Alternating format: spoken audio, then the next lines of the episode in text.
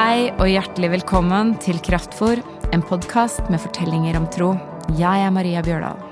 Og jeg er Kjetil Gilberg. Sammen så prater vi med folk som vi er nysgjerrig på. Og det disse personene har til felles, det er at de har en eller annen tilknytning til kraftverket. Og i dag er vi veldig heldige å ha med oss deg, Helene Rødland Refvik, medlem av Eldsterådet, som er Hva er Eldsterådet, Helene? Skal du spørre meg om det? Ja, Ja, det skal jeg spørre deg om. Vet du hva du er med i? Det er jo vi som er ordinert til kraftverket, da. Ja. I eh, lederne i Eller noen av lederne i kraftverket. Vi har jo et, en hovedledergruppe også.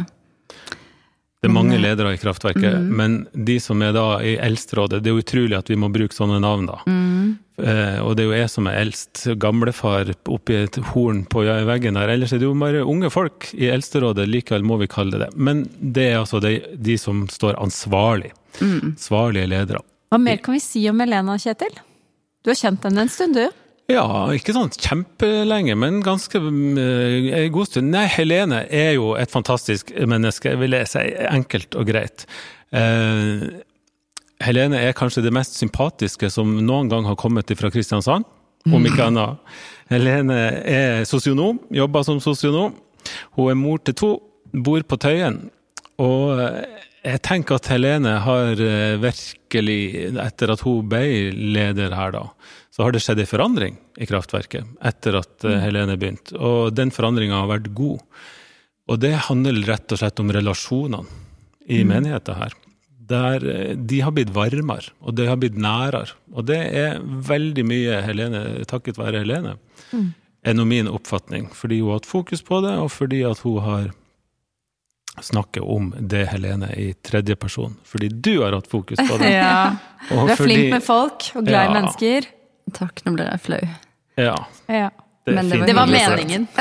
det. Nei, det var ikke meninga. Det var helt eh, fra hjertet. Dette har du bidratt med inn. Og det som, dette kunne vi snakke om, det som har med relasjoner Vi skal eh, snakke om sånne ting. Vi hadde jo forrige uke eh, en prat med Gudmund, som også, Gudmund Myhren, som også er eldste, og vi skal snakke litt om det å være ledere i kraftverket, og hva som er viktig å få til og sånt. Men i dag så har vi lyst til å snakke om det.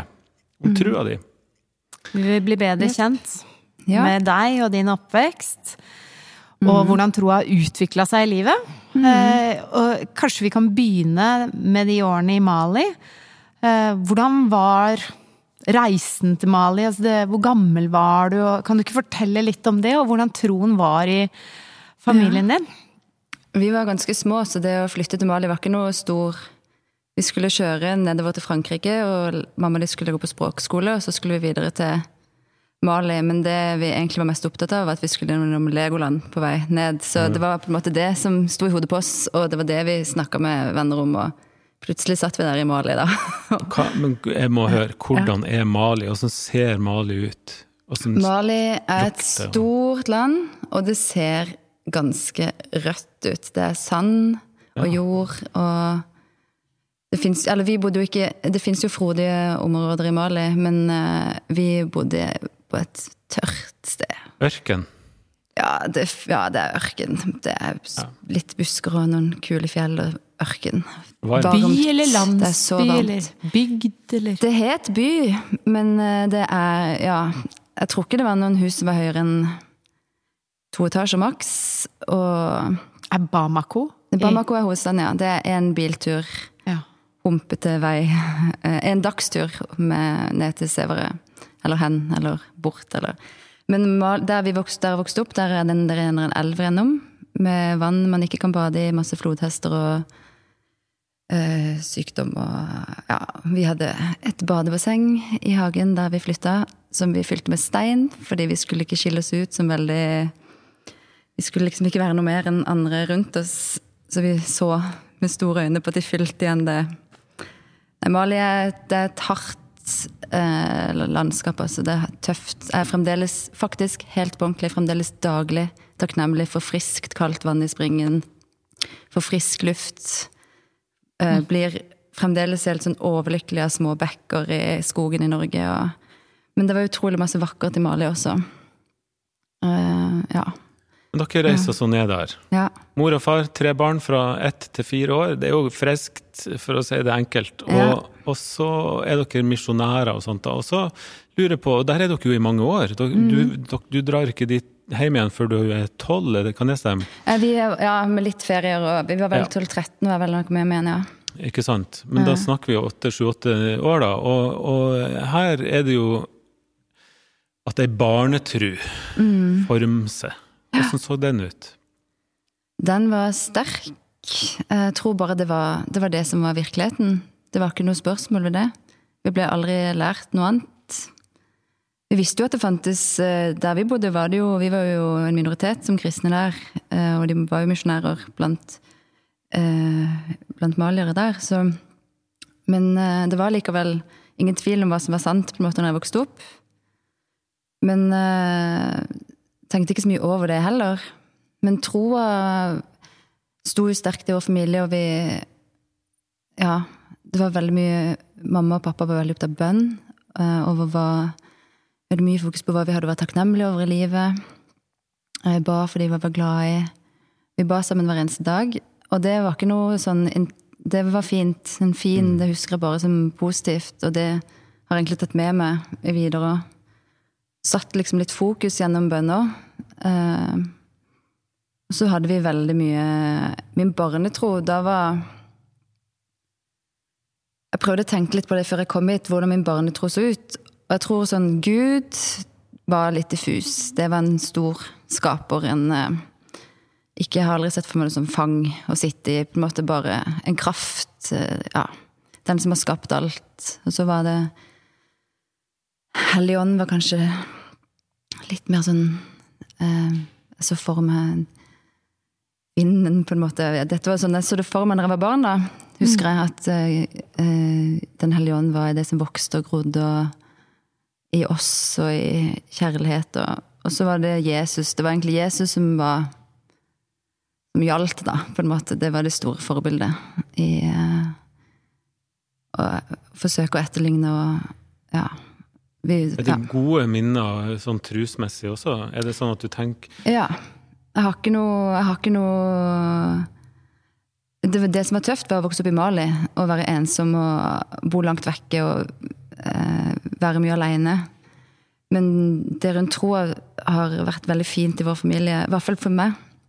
Har hatt Mamma og pappa har syntes at de har hatt et godt fokus på Det handler mye om, eh, om eh, å kjempe for de som opplever urett. Eh, dele kjærlighet, tilgivelse. Tørre å snakke ærlig om hvordan ting er når man har gjort noe man ikke burde gjort, eh, osv. Så, videre. så jeg opplever at det har gitt meg veldig mye positivt. Så det har vært mye tøft med å være kristen gjennom livet, men det har kanskje gått på andre ting, og ikke så mye det familiære der. og Det har det, vært fint. Dette er jo eh, spennende, fordi altså, forrige uke hadde jo Gudmund Myhren her, da, Ja.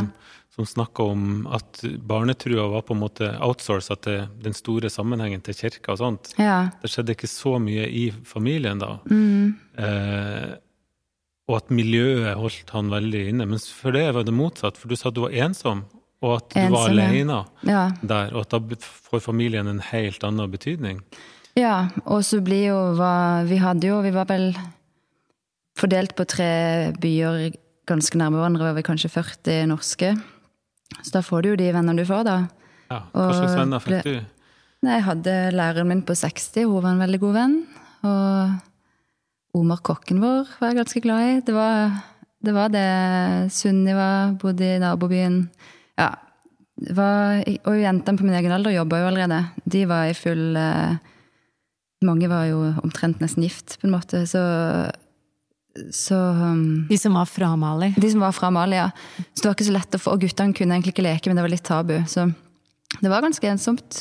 Men jeg var veldig nær min egen familie. Søsken. Ja. Søsken, ja, de var litt sånn knolletått, og så var jeg hun store som la til rette for de, da. Og ja, så jeg var mye ensom. Det var derfor vi dro hjem òg, faktisk. Eh, Ja. Fordi at ikke de hadde meg til en barnepsykolog, og så fikk de råd om at noe måtte skje. Og så bestemte de seg for å dra hjem tidligere enn de hadde tenkt, for de ville ikke at jeg skulle gå på internatskole. Så i hvert fall sånn som jeg har forstått historien.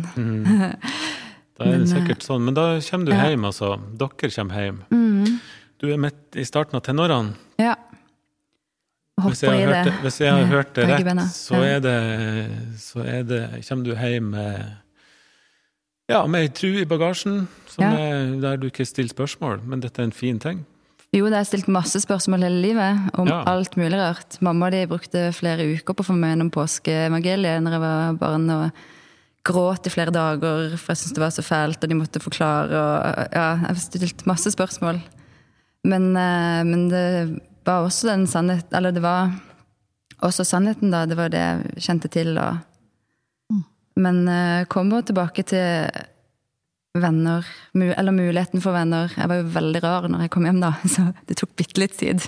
Men heldigvis skjønte jeg hva som måtte til. Kom hjem i sånn skreddersydde klær inspirert av en eller annen film fra 70-tallet som ja, så helt, helt vill ut. Men det gikk bra. Ja, det kan jeg tenke meg at du dro i land fint. Ja, det gikk bra. Men eh, ja, da handla det om det. Det handla ikke så mye om Gud og Jesus mer på ganske lang tid. Ja, Fortell hva du drev med, da. Eller ikke hva du drev med, men du, altså, da er du på vei inn i videre, ungdomsskole og videregående? Ja, ja Den tida der. Ja. Ja, ungdoms, ja. Nei, da, Så du, har, du bare ramla ikke direkte inn i sånn her kristent miljø i nei, ikke i det hele tatt. Vi prøvde litt i Frikirkehjemmet, men jeg falt ikke helt eh, Jeg tror jeg hadde et ekstremt behov for å bare ha være med på alt og få tilbake Jeg hadde ikke lyst til å være i kirka. Det kjente jeg godt til. Jeg ville oppleve andre ting, og gjorde det. Og ja. Så da var egentlig ikke Tenkte du at det var en reaksjon på livet i Mali? helt klart en reaksjon på livet i Mali. Men ikke nødvendigvis en reaksjon på misjonærbarntilværelsen, men en reaksjon på ensomhet og Ja. Eh, jeg hadde lengta veldig etter å få være i en klasse, f.eks. Jeg hadde vært alene i klasse, helt alene i mange år. Så ja, jeg pleide å være ferdig med pensum et par måneder før det i Norge, fordi Ja. Så det å bare skulke og skrive lapper og flørte og Ja, jeg stupte i det og elska det. Eh, og glemte litt alt det andre. Men jeg tror det har ligget der hele tida. Jeg har lenge, lenge egentlig sagt at jeg hadde mange år jeg ikke var kristen, men jeg vet ikke om det er sant. Om jeg egentlig ikke var Jeg tror kanskje det bare lå litt i dvale. Fordi for eksempel bønn har vært med meg også de årene. Eh, Slutta aldri å be. Nei. Kanskje litt mindre, men det har liksom vært der jeg har bedt for venner. Jeg har vært redd for at det ikke går bra med. Jeg har bedt for meg sjøl. Jeg har eh, Ja. Eh, mm. Og så dro vi på, begynte vi å dra på skjærgårds på sommeren. Det var den leiren mamma de gadd å betale for, så hvis ikke måtte vi spare sjøl. Og da tok jeg med meg venninnen og ingen oss tenkte så mye på det. Men det tror jeg har vært en sånn årlig påminnelse om noe som var viktig for meg, da. Skjærgårds musikkfestival Ja, den uka var jeg veldig kristen. Men nå blir jeg veldig nysgjerrig, fordi når jeg vokste opp i sånn Oslo-virkelighet, da, men, Mm. altså, tok du med deg venninner og venner som ikke var sånn kirkefolk Mm. på skjærgårds? Og det var helt naturlig? Mm. Det var, eller helt naturlig. Ja, jeg reklamerte jo med at det er ingen som passer på det der, vi kan være ute så lenge vi vil. Ja. Eh, men så var det jo også alkoholfritt og ganske trygt. Eh, vi var en ganske, et ganske heftig miljø nede i bibelbeltet der. Så jeg tror de fleste foreldre bare syntes det var deilig at de ble med på en sånn kristen leir. på...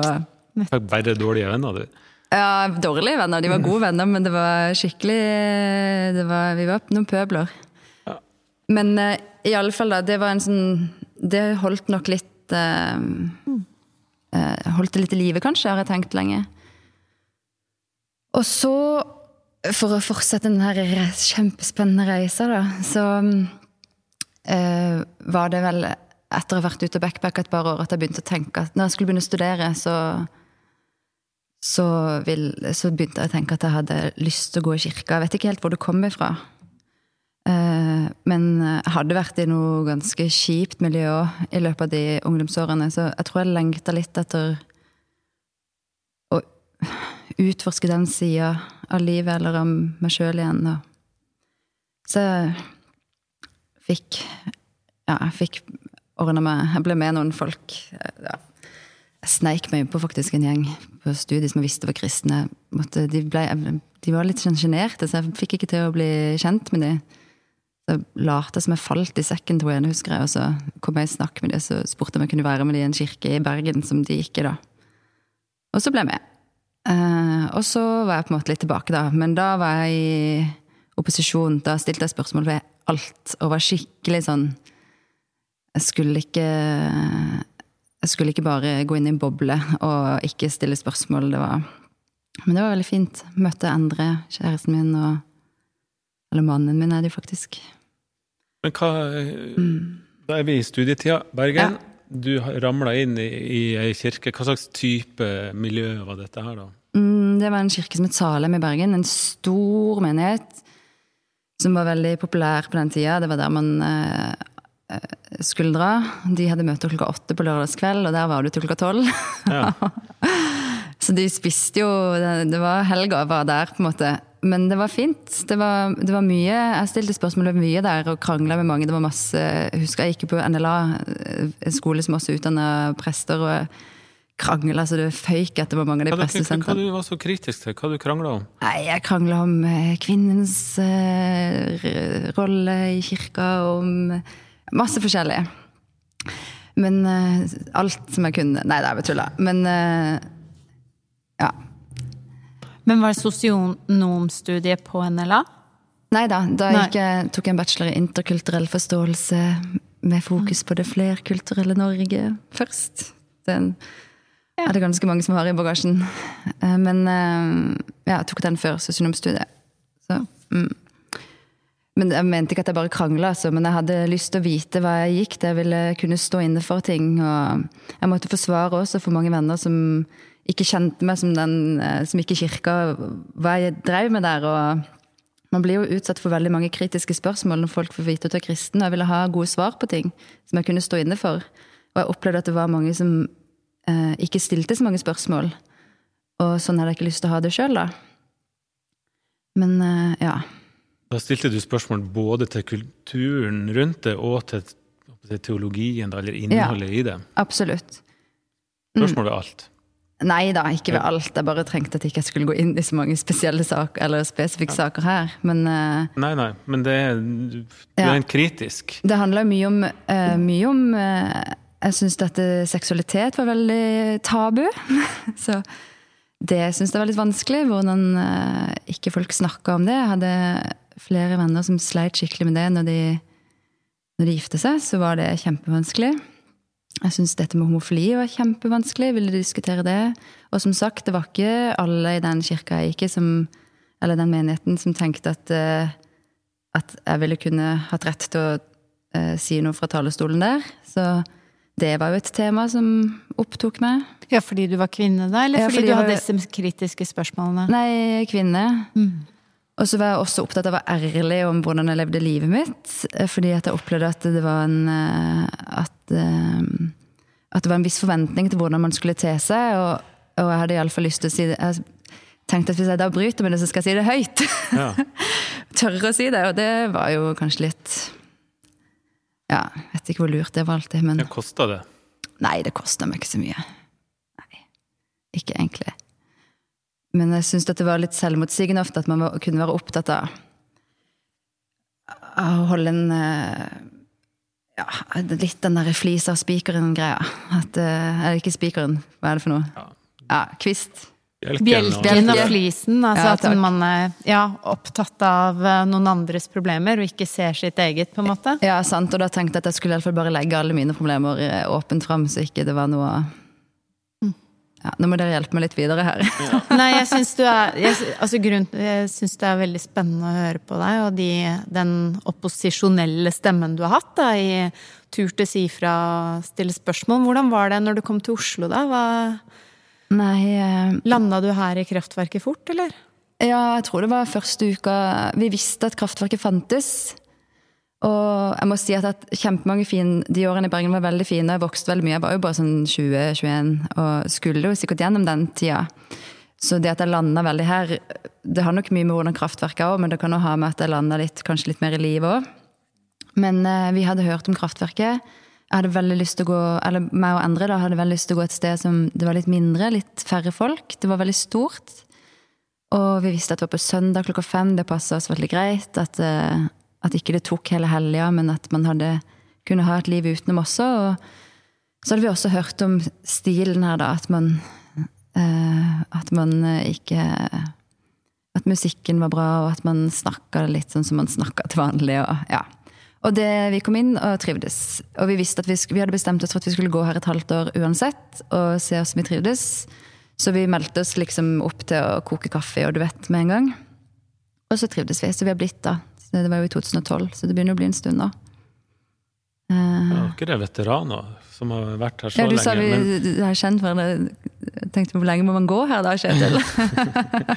Nei, men da er det siden 2012, da. Mm. Det er lenge, det. Mm. Um, men tilbake til selve gudsforholdet ditt, fordi du mm. sa Mali To ting jeg har lyst til å høre om. da. Det mm. ene er at det var en ting du på en måte, du stilte masse spørsmål, men det er på en måte en ja, det er en virkelighet. Gud fins. Mm. Ferdig snakka litt. Og så, mm. og så, får du dette, disse årene hvor det, hvor det ikke er akkurat sånn. Mm. Og så lurer jeg litt på, på landingsplassen din. Er det, er det noen sånne uh, hendelser i livet som skjer? Eh, noen Guds eh, opplevelser? Får du det? Nei. Eller nei, det bare tulla. Men uh, ikke noe sånn Jeg opplever jo å få det. Men kanskje ikke noe Jeg har Kanskje det er vanskelig å sette fingeren på hva det er. Jeg tror vi har endra seg også disse årene. Men de siste årene? De siste årene, ja. Men uh, trosopplevelser Det er ikke det som er Nei, oppdagelsen her? Jeg har egentlig aldri vært så opptatt av, eh, av mirakler eller de her store jeg kjenner mange som har opplevd veldig mye sånne store, konkrete ting. Eh, men det har ikke vært så viktig for meg. Det som har vært viktig for meg, og det har det vært egentlig gjennom hele livet, det har vært eh, litt sånn Jesus som kompass i livet. da. Eh, eh, forsøke å leve opp etter de idealene eh, med å se mennesker, være et medmenneske, eh, dele det man har. Og det er nok, det. Og, og eh, tilgivelse. For meg så har en opplevelse med å tilgi noe som var vanskelig å tilgi, kanskje vært den største opplevelsen av Gud i livet mitt fordi jeg trengte Gud så veldig inn i det, og også kanskje ikke hadde klart det uten Uten historier om korset osv. Så, videre. så øh, uten at det er helt lett å forklare akkurat øh, hva det var som skjedde. Men det, for meg er det et mirakel så stort som Ja. ja. Uh, så, så, det har vært Nå roter jeg meg litt bort, men, det, men Gud har vært til stede, men det er ikke så lett å sette fingeren på det. Mye Ja. Ja, det er mm. kjempefint. Eh, eh, det var svar på spørsmålet. Ja. Virkelig. Mm. Eh, og, og, så lurer jeg på Er det hvis er det De store spørsmålene i livet, da. Mm. Om døden og, ja. og om eh, Ja. Alt dette virkelige dypet, om Gud er der. Mm. Kan ikke du si noe om det? Hva, hva slags betydning har det for mm. Ja, der har jo det, skjedd, det, er en stor endring som har skjedd i mitt liv. Eh, jeg vet ikke helt når det skjedde. Ifølge eh, både mamma og andre så har jeg alltid vært opptatt av Fordi jeg snakka litt med de før jeg kom til denne podkasten. Eh, vært opptatt av, av en del sånne ting. Men i troslivet mitt så har det vært litt sånn Shane Claiborne-aktig tro som har Jeg har levd i nuet. Det handler om her og nå. Det handler om flyktningers rettigheter i Norge, og det handler liksom uh, What would Jesus do? på en måte. Og så um, Kan jeg bare skyte inn der? Shane ja. Claiborne er da en amerikansk ja. ja, hva er han da? Hva er han for noen ting? Han er en forfatter, selvfølgelig. Forfatter, har, stor fellesskapsleder som har ja. virkelig ja. kjempa for fattige og sidestilt seg med Og han utfordrer jo kristne noe helt mm. sinnssykt på en del sånne spørsmål. og utfordrer meg veldig. Mm. Uh, og jeg har veldig veldig troa på den måten å tenke, å tenke på seg sjøl som kristne, da. Eller, ja. Men i alle fall, da, så skjer det noe kanskje rundt forpliktelser, gifte meg, etablere meg, og kanskje spesielt etter at jeg fikk barn. Jeg gikk også gjennom en fødselsdepresjon eh, etter nå siste gang. Og også en slags eksistensiell krise hvor jeg plutselig ble livredd for å dø. Eh, min bestefar døde samtidig som, eller ca. samtidig som eh, den yngste dattera vår ble født. Og det ble en veldig sånn eh, påminnelse om at jeg kom til det en gang. Jeg følte bare jeg hoppa ett steg nærmere eh, liksom grava. Og ble plutselig livredd for sykdom, for at barna mine skulle bli syke. Eh, og eh, de virkelig sånn Jeg har tenkt mye på sånne ting, men plutselig ble det livsviktig at, at eh, Gud faktisk fins. Eh, og det har alltid vært sånn som det viktigste her og nå. Det viktigste er at vi er gode mot hverandre. Og, ja, og så er det andre et mysterium som vi kanskje får svaret på en gang. Eh, mens plutselig så kunne jeg ligge våken hele natta fordi at jeg var så redd for å gå glipp av livet til ja, mitt eget liv og barnas liv. og det var jo en, det ordna seg når dattera vår begynte å sove mer, og jeg begynte å sove mer, så forsvant mye av det her angsten, da. Men iallfall så er det troa mi har også forandret seg over de siste årene ved at jeg har blitt mer opptatt av disse tingene. Eh, og der er jeg ikke så skråsikker på så mye. Så det har vært en prosess å godta det, da. At jeg ikke helt vet svaret på alle ting, og at det handler mye om håp. Eh, og det har nok forandra troa mi til at uh, jeg ikke alltid kan svare så ja. Det høres ut som Jesus som kompass og forbilde på en måte mm. uh, står der veldig i livet ditt, men at dette her med uh, Lever han nå? Finnes mm. Gud? Uh, kommer han tilbake? Altså de store, litt sånn overnaturlige, nærmest spørsmålene, da. Ja, for jeg har jo nære venner Jeg brenner for deg nå? Jeg har nære venner som ikke er kristne, som har Jesus som et stort forbilde, og som lar Jesus påvirke masse i sitt liv fordi de tenker at det var en utrolig klok fyr. Men de her ja, de overnaturlige, og også da fordi at jeg eh, ikke har opplevd så mye overnaturlig i livet mitt. Mer eh, at jeg opplever at ved å følge det som jeg tror at Jesus har sagt, så blir livet bedre. Eh, det hjelper å Ja. At det er en god rettesnor i livet, da. Og Ja, så det er litt tøft, egentlig, å gå gjennom Men jeg føler jeg begynner å lande. Eh, og jeg tror jeg lander på et ganske godt sted. Jeg har det veldig fint i troa mi. Det hjelper å be, selv om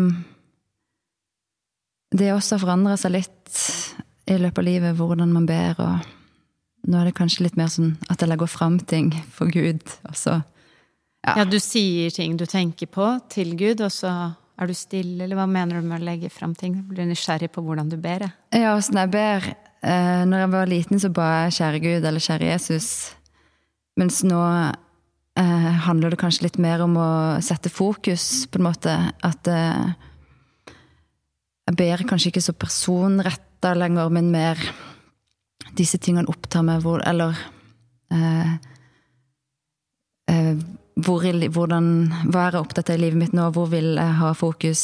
Hvem av vennene mine burde jeg kanskje tenke mer på nå? Eller at jeg liksom bruker tid med Gud på å peile meg inn på det jeg tenker er viktig. Mm, ja ikke så mye sånn 'I dag har jeg det sånn og sånn', på en måte. Ikke sånn 'kjære dagbok', Nei, Gud, men mer mindre, sånn ja. dialog, eller ja, løfte frem ting du ja. tenker på? Mm. Ja. Mer ja, øvelser og kanskje øve meg å tenke gjennom hva jeg er takknemlig for i livet.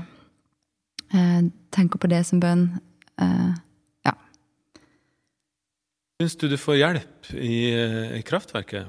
Eller bare for mm. å ta det oppsummere litt her, da. Mm. Så hør er bevegelsen din ifra det veldig konkrete, mm. det veldig sånn menneskelige, egentlig. Mm. Vær snill, vær hyggelig, hjelp folk, osv.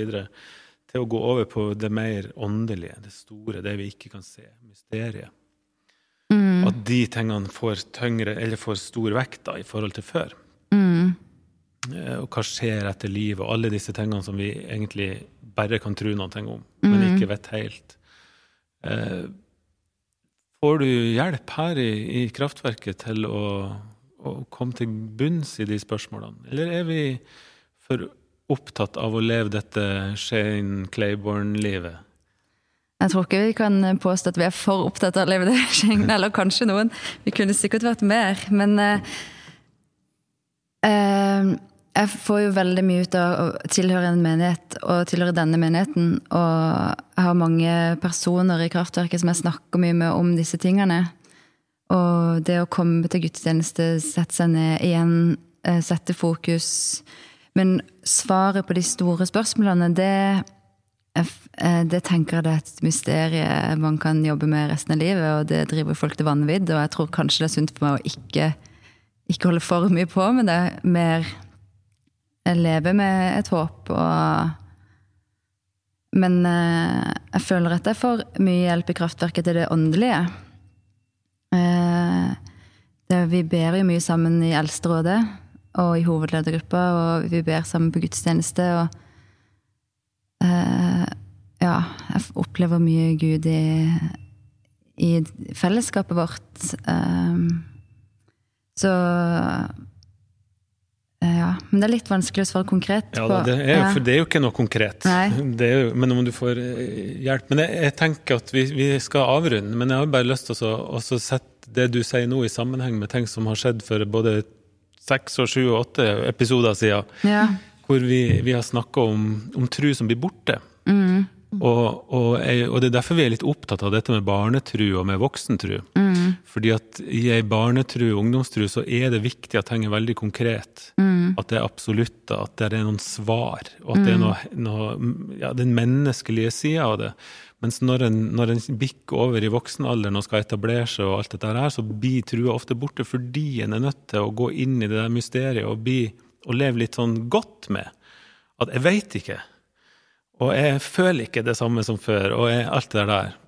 Og så tenker jeg at, at hver gang jeg hører ei sånn historie om at bevegelsen har gått dit, ja. Eh, og ikke at den har sluppet tak i at man skal være snill med andre, eller at den skal eh, At Jesus-livet er Eller Jesus som kompass i livet er, er en, på en måte en god retning å leve, uavhengig av tru eller ikke. Men jeg blir veldig glad for å høre at trua beveger seg over litt i det mystiske, og at den lever godt med det. For det tror jeg er den store forskjellen, at veldig mange lever dårlig med det, fordi at det er så vanskelig å forholde seg til i forhold til det der eh, som var litt enkelt før. Ja. Men jeg syns jo ikke det var enkelt. Jeg syns jo det har vært fryktelig tøft. Og, å tåle Eller eh, hvordan skal man leve i Norge, da? Så eh, med den rikdommen vi har, og ja, det er jo Man skal jo egentlig ikke det. Eller burde man ikke selge alt man eier og gi det til de fattige? Jeg syns ikke det har vært et uh, lett Jeg syns ikke det alltid har vært lett, og jeg tenker fremdeles at det er det aller viktigste for meg, de tingene der. Men, uh, men, uh, men det er deilig å ikke være så skråsikker. Jeg tror ikke jeg har vært det så mye. Ikke så skråsikker. Men det, har, ja, det skjer en Jeg er redd for at det Jeg er redd for at ikke det har vært så sunn utvikling, da. At det egentlig handler mer om eh, angst for å bli gammel. men, Ja. Eh, den som lever, får se. ja, men eh, Det er en stund til du er skikkelig gammel, i hvert fall. Ja, ja, ja. Det, og Sorry. Nei da. Ja, du ser alle på meg her som er Nei, jeg så, gammel. på, jeg så på Maria. Kunne se på meg òg. Nei. Helene, det har vært en fryd å ha det her. Ja, tror dere det her ga noe mening? Jeg tror det ga Ja. noe mening. Og okay. det er stor stas å snakke med deg også eh, i dag. Det er stor stas å treffe det så ofte som vi faktisk gjør, Mm. og samla rundt det å være leder i Kraftverket. Takk for at du kom. Ja. Tusen hjertelig. Og så Maria, du Vi må jo høre hva du leser for tida. ja, nå skal du høre. Jeg leser faktisk ikke så mye for tiden, men jeg hører på en podkast som jeg går og venter på hver nye episode på. Oi. Og det er ikke vår egen, nei. Nei. Selv om jeg liker veldig godt å høre på de gjestene vi har snakka med og etterpå, så er det en um, podkast som heter Dissect. Jeg er litt. Dissect? Ja, altså Det dissekere. Det er jo egentlig Ja. sånn musikkpodkast med Hør, en hør. amerikanertype som heter Cole. Og han uh, går liksom gjennom plater eller album, da, sånn låt for låt, liksom. Og det er faktisk Martin her i Kraftverket, som har vært på Kraftfôr før, som har anbefalt meg denne podkasten. Ok, nå skal jeg zoome inn og fortelle om sesong seks, som jeg hører på for tiden. Og det er om Beyoncé sitt album Lemonade. Og ja, jeg, hun har vært litt sånn forbilde for meg. Det er litt flaut å si. Hvorfor det? Fordi jeg gjør ingen av de tingene hun gjør. Nå sitter jeg og rødmer. Men jeg syns hun er veldig kul. Ja. Og så kom dette albumet da for eh, ja, kanskje fire-fem år siden, eller fire år siden. eh, Med liksom den eh, tabloide konteksten at det virker som det ikke står så bra til i det der superekteparet sitt liv, og at JC har vært utro.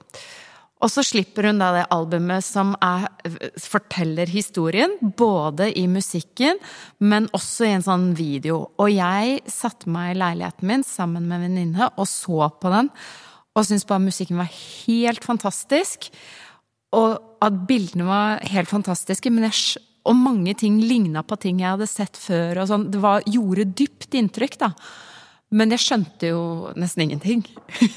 og jeg hadde liksom trodde jeg skulle forstå mer. Men Dissect den tar meg gjennom hele greia, og låtene har jeg hørt masse på og hører fortsatt på. Og forklarer eh, det på så dypt og vakker måte. Altså, sånn, en av de tingene de snakker masse om, det er at det Beyoncé forteller, er en historie om hvordan slaveriet gjennom historien påvirker svarte familier sin kjærlighetskår i dag. Ja. Så det er på en måte den store for historiske fortellingen om undertrykkelse og slaveri og rasisme som er så aktuelt for oss i disse dager. Og hvordan det påvirker kjærligheten mellom en mann og kvinne som rakner. Og utroskap. Og hvordan kan de finne tilbake til hverandre? Kan de finne tilbake til hverandre? Skal det hevnes? Kan det tilgis? Og inni dette her kommer masse sånn greier om Gud og forskjellige ja, typer religioner som har påvirka hennes familie. Så alle låtene i, Wow. på den plata, den, den befinner seg da i dette, med dette bakteppet. Yes. Og så sett denne Cole det i sammenheng. Cole og TT. Cole og TT, oh yeah. Jeg, eller Titti, eller jeg vet, ikke- jeg vet ikke helt hvordan man skal si det. Men altså, Cole er jo sikkert en hvit mann. ikke sant? Han måtte få med seg en svart dame for å forklare dette albumet. og Det var, gjorde han lurt i.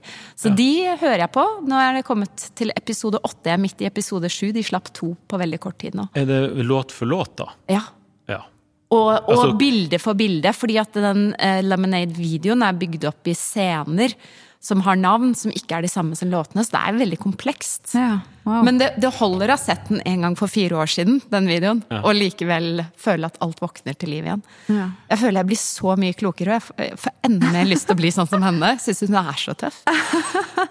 Så Den fikk jeg lyst til å høre på. den skal vi høre Ja. på. Dissect. Dissect. Dissect. Det får Sesong være, seks.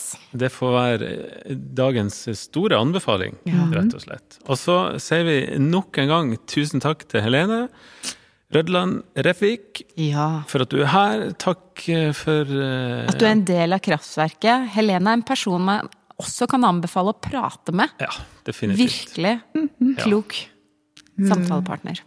Takk for det, Maria. Og så se, ses vi ikke, men vi høres eh, om ei ukes tid. Da tenker jeg vi setter sammen Helene og Gudmund, som vi hadde forrige uke, og så tar vi en prat om hvordan det er å være leder her i Kraftverk. Det gjør vi. Ha det bra. Ha det bra. Ha Det var